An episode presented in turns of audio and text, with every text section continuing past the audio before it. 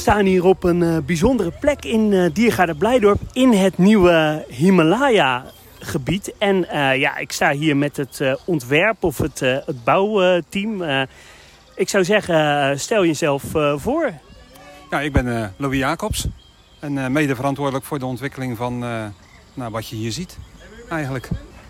Ik sta hier met Stefan. Ja, goedemiddag. Stefan de Vries, ook onderdeel van het projectbureau en uh, mede verantwoordelijk voor het ontwerp.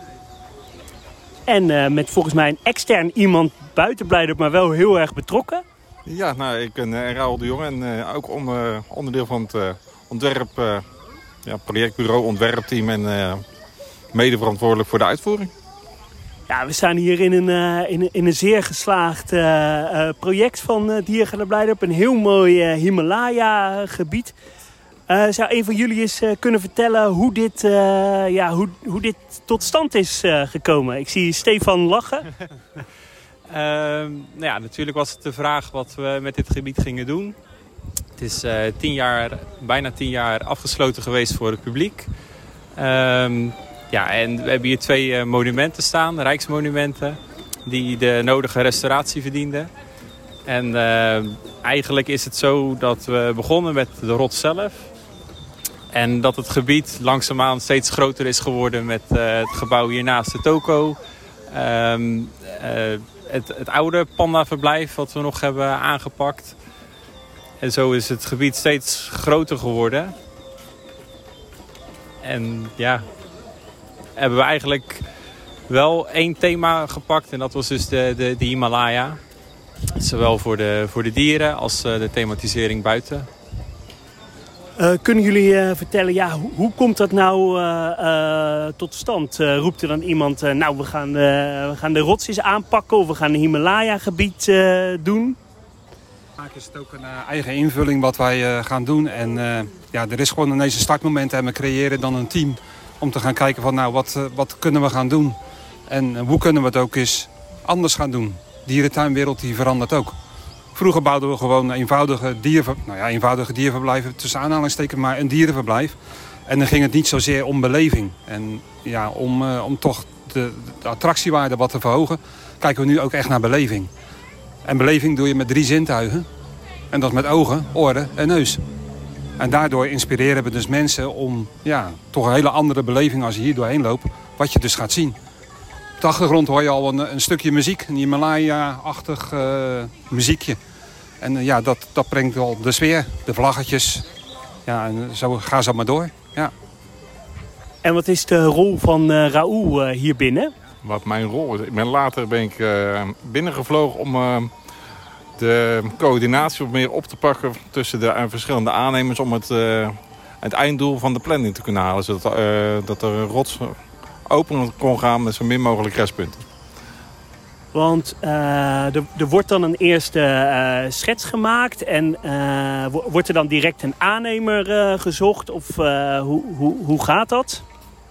Nee, er wordt niet direct een aannemer gezocht. We gaan eerst kijken van nou waar bestaan de werkzaamheden uit.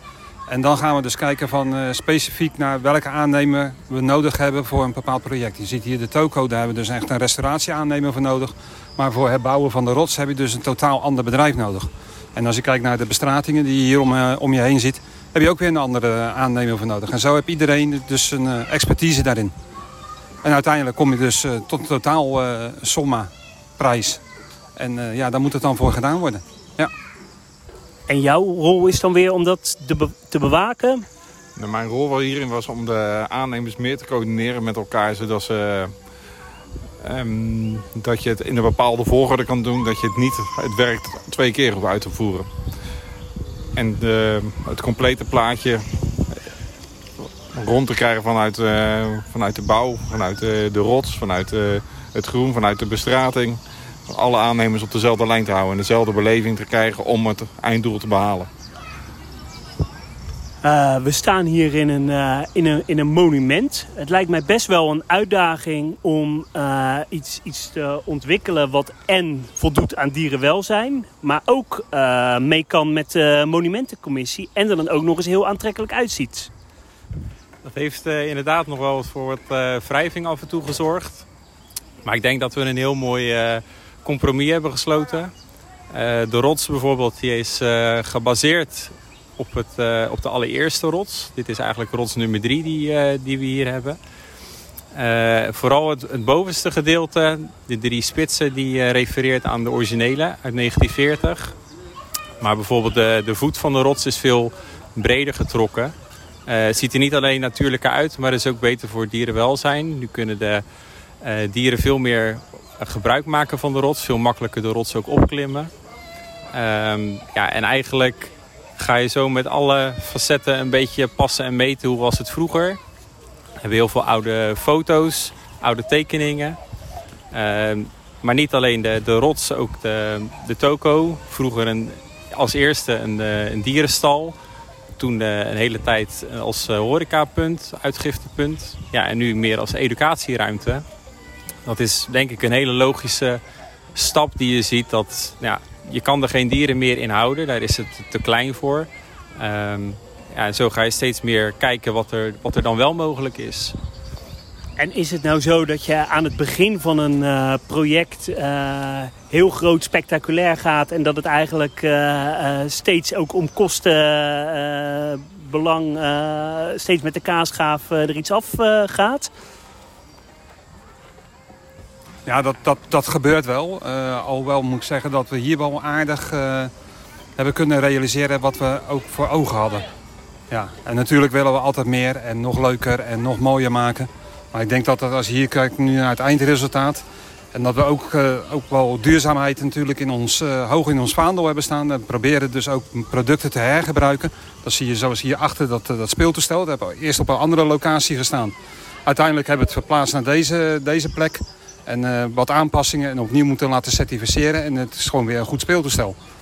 We hadden het ook af kunnen schrijven en uh, dat het ergens in de sloopcontainer was gekomen. Maar ik denk dat je in het kader van duurzaamheid dat, dat je dat moet bewaken.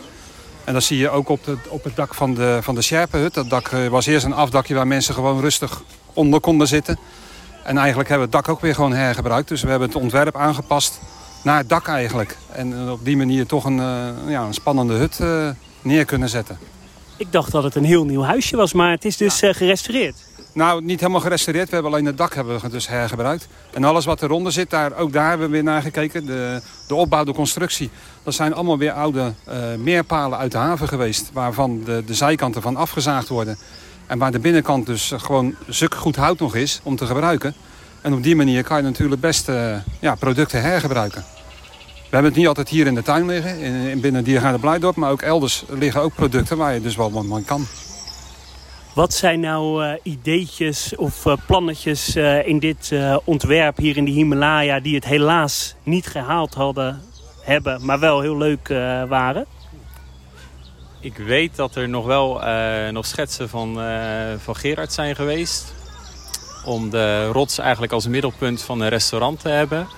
Dus dat je daaromheen een soort glazen serre zou hebben met ja, echt een nieuw restaurant. Ja, dat, dat, dat zijn natuurlijk mooie uh, ja, eigenlijk ideeën en een soort brainstorm sessies zijn die boven water uh, of eigenlijk ontstaan. Ja, dat soort dingetjes zie je dat dat ja, in de loop der tijd gewoon niet realistisch is. Maar dat je dan toch weer teruggaat naar een diersoort wat, wat wel geschikt is voor, voor de rots. Hebben jullie bijvoorbeeld ook wel eens uh, nagedacht om een, uh, om een apensoort of een, uh, een, een sneeuwpanter of zo hier te, te huisvesten?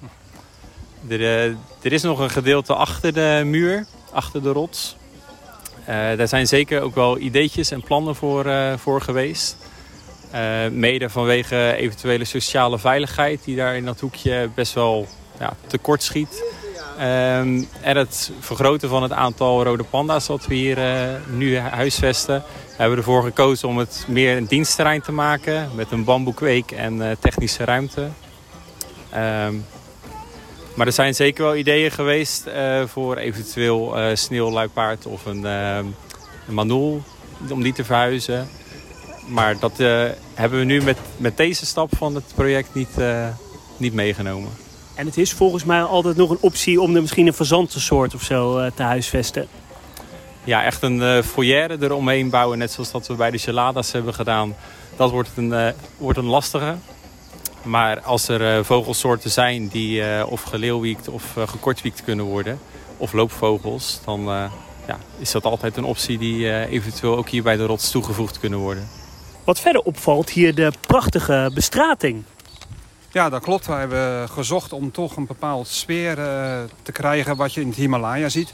In de Himalaya zie je dus heel veel gesteentes uh, wat heel erg ongelijk is. En dat kunnen we hier natuurlijk niet toepassen, want we moeten natuurlijk wel aan ons publiek denken. Uh, dus we hebben echt gezocht van nou, wat zou daarop lijken. En we hebben een tegel gevonden die, nou, die daar aardig bij komt. En we hadden natuurlijk een kleur uitgezocht. Daar is Stefan heel erg goed in, in kleuren uitzoeken. En ja, kwamen erachter dat die kleur dus niet meer gemaakt werd bij de fabriek. Maar de fabriek zei van, nou als jullie nou zoveel meter afnemen, starten we heel de machine weer op. En gaan we gewoon die kleur voor jullie fabriceren. Nou, en zie je hier uh, het resultaat. Ik weet niet wat jij ervan vindt. Ja, ik vind het heel erg mooi. En het is volgens mij een, een, een redelijk unieke vorm uh, tegel die uh, ja, het heel erg natuurlijk aan laat voelen. Ja, het, het, lijkt echt dat je denkt van zo, dat is ingewikkeld om die tegel te leggen. Maar als je eenmaal het systeem ziet, dan, want iedere tegel is eigenlijk hetzelfde van vorm. Alleen het past allemaal in elkaar. Dus je kan alle kanten kan je eigenlijk op. En nou ja, dit is wat we ervan gemaakt hebben. Hey, en we horen hier ook uh, muziek. Volgens mij is dat ook uh, redelijk uniek uh, voor Blijdorp. We hebben wel een aantal locaties waar we muziek toepassen. Maar zeker buiten is dit wel ja, eigenlijk een, een, een nieuw, nieuwe feature voor, voor ons als Blijdorp inderdaad. Het schept wel direct sfeer. Zeker, en dat willen we ook wel creëren. Zeker ook met de lantaarnpalen hier op het pleintje. De, Nepalese vlaggetjes. En uh, zo proberen toch ook de mensen te verleiden om de, de toko in te, te lopen. En zo de educatie over de rode panda te lezen. Hey, nog even terug over de educatie. Dit is voor Blijdorp echt, of voor de, sorry, even terugkomen op de thematisering. Dit is voor Blijdorp en ja, zeker ook voor Nederlandse dierentuinen toch echt wel next level uh, thematisering. Het is uh, van bijzonder uh, hoog niveau. Als je de oven open doet, dan zie je daadwerkelijk een soort vlammengloed. het is echt niveau Efteling. is dit een nieuwe standaard voor Blijdorp? Dat denk ik zeker, ja. Zeker met grote projecten. Dan denk ik dat we wel steeds ook meer de, de beleving van de, voor de bezoekers kunnen waarderen en ook kunnen toepassen. Hoe is dat voor jou, uh, Raoul? Want ik neem aan dat je niet uh, dagelijks uh, echt in gethematiseerde bouwwerk werkzaam bent. Nee, het is een, ja, het is een soort van een, een sprookje op zich. Als je hier mag komen elke ochtend en dat het... ja, nu zeker met de muziek nu het klaar is. Maar als je hier aankomt dat je toch al die beleving hebt... S ochtends op het, op het werkterrein.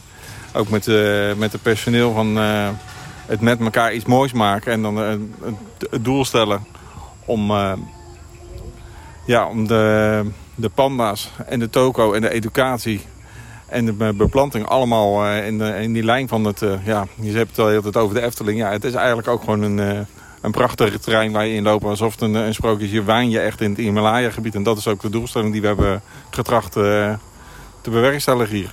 Is het nou nog voor de technici heel anders om iets te thematiseren? Nou, de thematiseren, dat is uh, technici die denken alleen maar uh, recht toe, recht aan. En, uh, en hier moet je heel veel creativiteit hebben en ook beleving. Dat, dat komt ook wel bij het personeel wat hier loopt. Het zijn niet de standaard timmerlui en niet de standaard straatmakers. En niet de, ja, hier heb je wel specialisten gewoon voor nodig. Ook een hele andere beleving bij het personeel zelf al. We moeten het bij de bezoekers, maar eerst moeten beleving bij de jongens zijn om iets moois te maken. En ja, uh, misschien moet je hier wel eens bewust iets uh, lelijk of oud uh, maken. Of een, een, snoertje wegwerken. Of een, hoe, hoe zorg je dat dat, dat, dat scherp blijft. En dat, dat er iets consequent wordt doorgevoerd.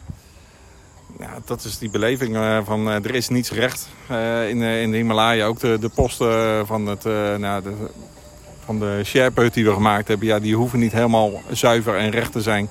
Maar de, de toko, dat is alweer het monument ja, die moet dan wel weer helemaal volgens de maatstaven. En daar uh, ja, moet je een weg uh, tussen zien te vinden. En ook de, de vlaggetjes, ja, die, die moeten ook gewoon hangen zoals het, uh, alsof het natuurlijk is. En de, en de snoertjes waar ja, daar hebben we allemaal thematiserende of ja, decorateurs hebben we daarvoor die dat mooi afwerken.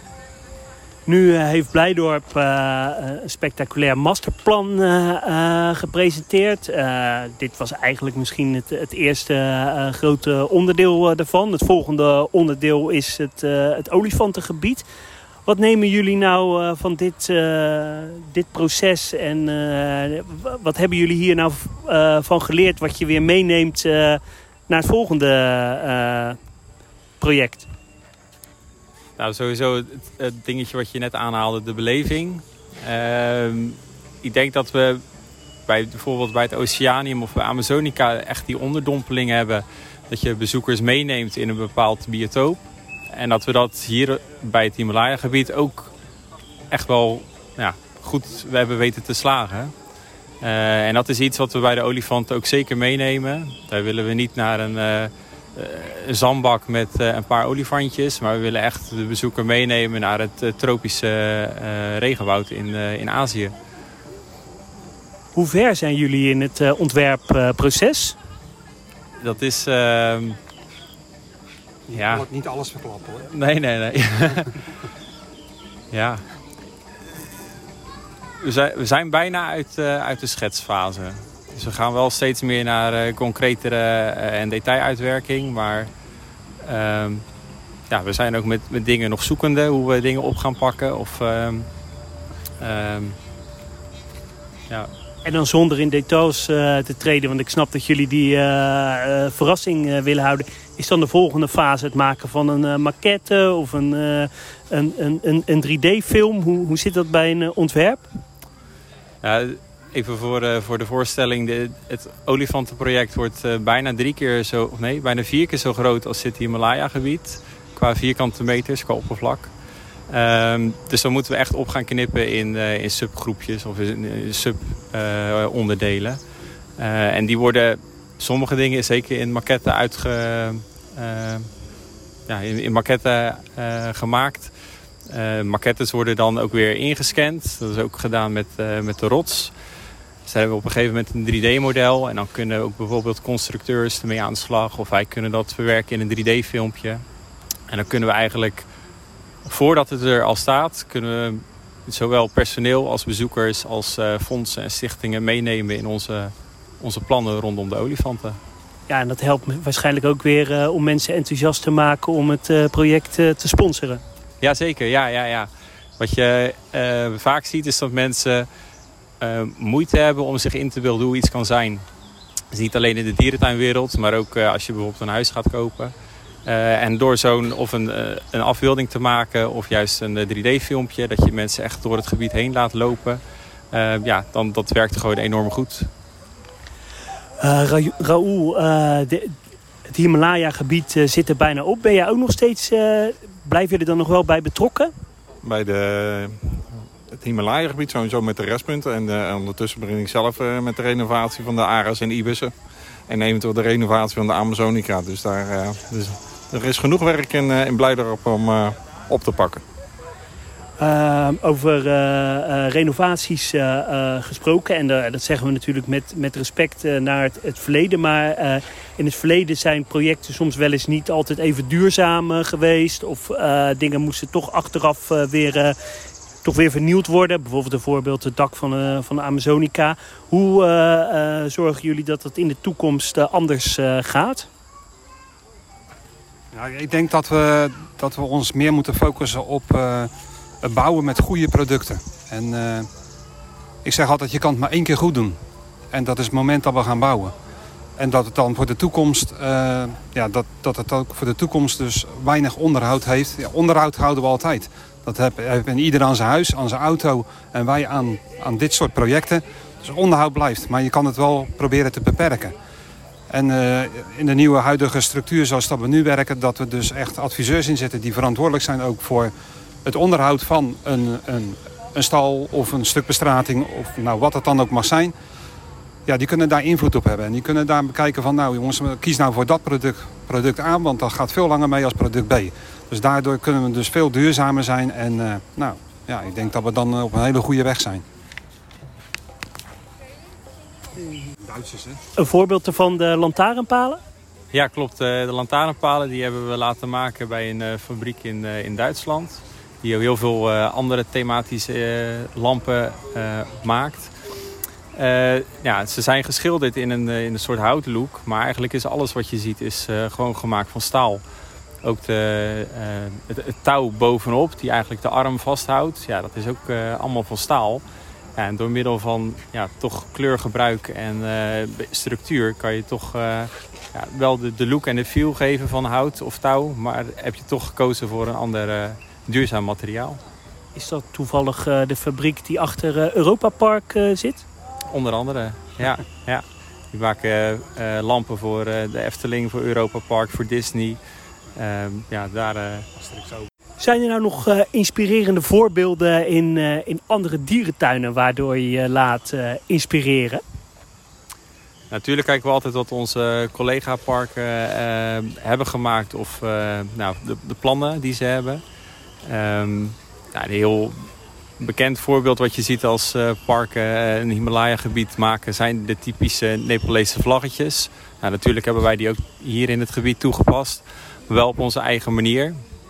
Uh, elk vlaggetje heeft een, een, diersoort wat we hebben en een plantsoort wat bij onze botanische afdeling te vinden is.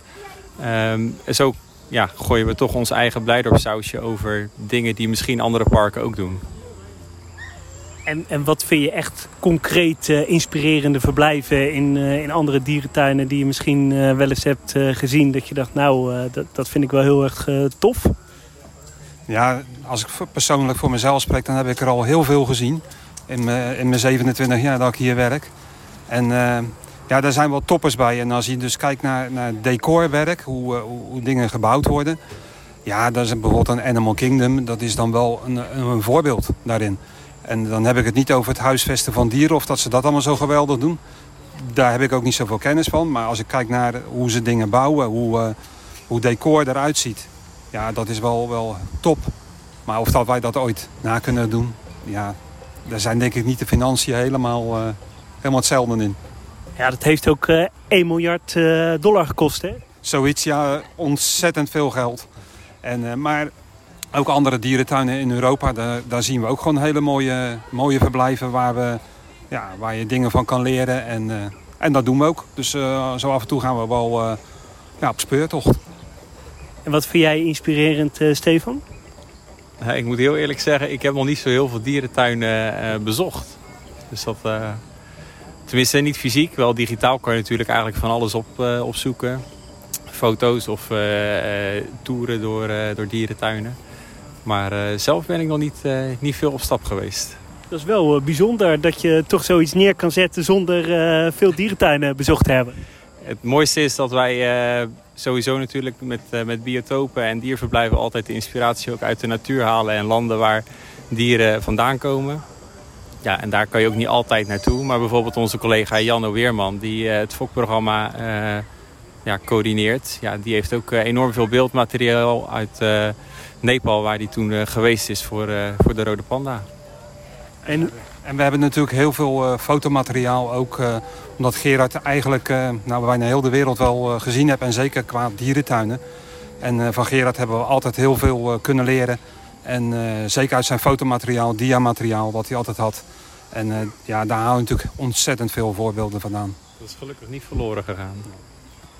Hoe is dat voor jou, uh, Ook gegrepen door het dierentuinvirus inmiddels? Ja, maar dat was ik al vroeger hoor. Dus ik ik ging wat minder naar school en zat vaker in, die, in Blijdorp te studeren en mijn tentamens op, op school uit te voeren. Dus ik heb wel een hele goede band met, uh, met Blijdorp. Ik ben hier nagenoeg opgegroeid. Is het dan voor jou eigenlijk een droom die uitkomt om zoiets te doen? Ja, eigenlijk wel. Zo is het wel voor mij. toen ik deze kans kreeg, toen dacht ik wel van nou, deze moet ik pakken. En toen me weggeboden. Hey, nog even uh, terug uh, op, op het ontwerpen van uh, dierenverblijven. Als we kijken naar, naar andere dierentuinen in Nederland, hoe gaat Blijderp zich dan de, de komende jaren onderscheiden? Doen we al. dat doen we al en hoe? Ik vind dat een lastige vraag.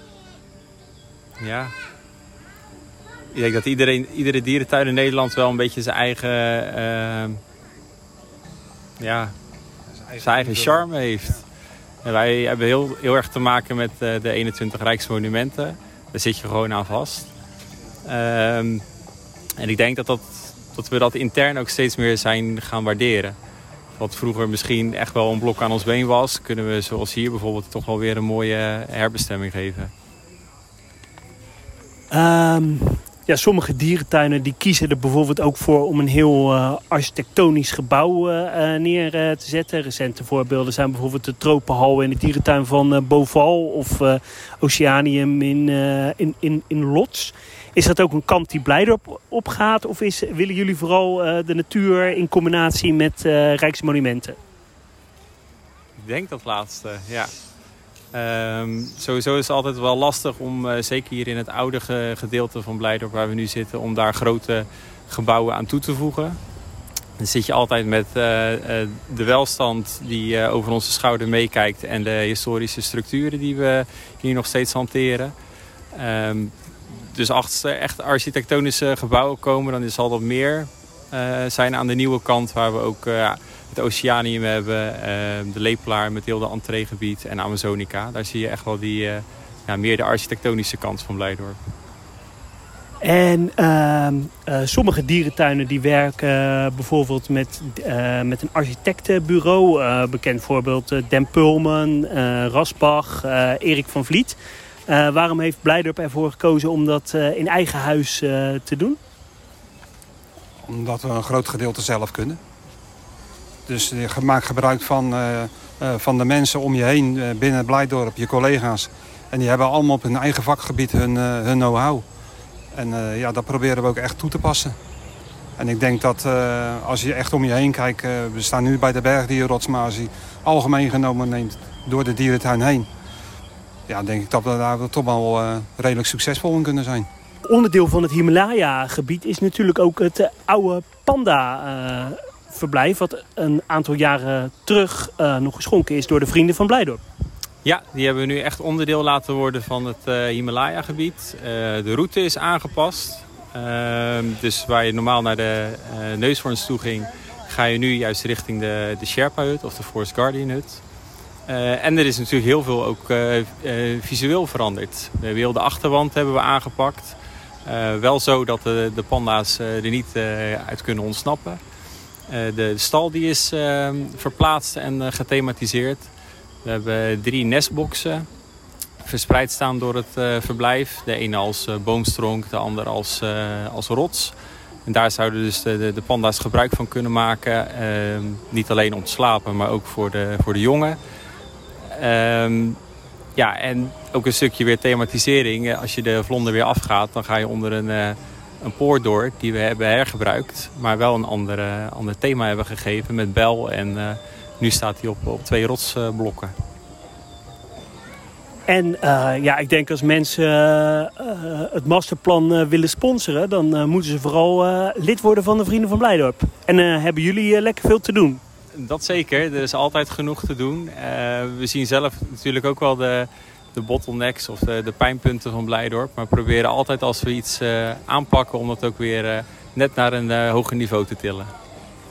Hey, en, en, en wat is nou nog een project dat je zegt van oeh, daar, daar jeuken mijn handen voor om dat nog eens aan te pakken?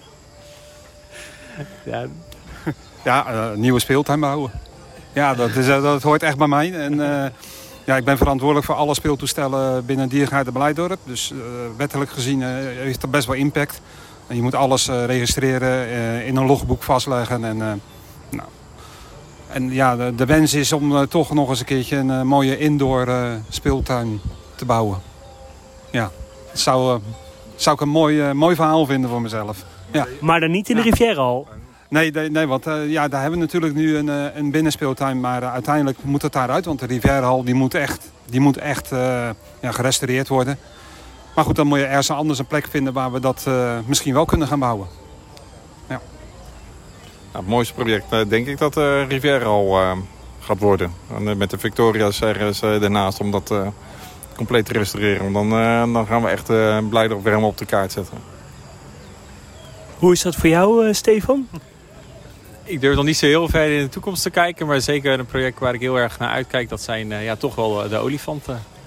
Toch eh, ja, het stukje waar we ook als Blijdorp toch wel trots op mogen zijn met het stamboek. En zeker als je kijkt wat we hier qua thematisatie en belevingen voor elkaar hebben gebokst, dan ja, hoop ik dat het daar nog een stapje beter kan of nog een stapje hoger kan.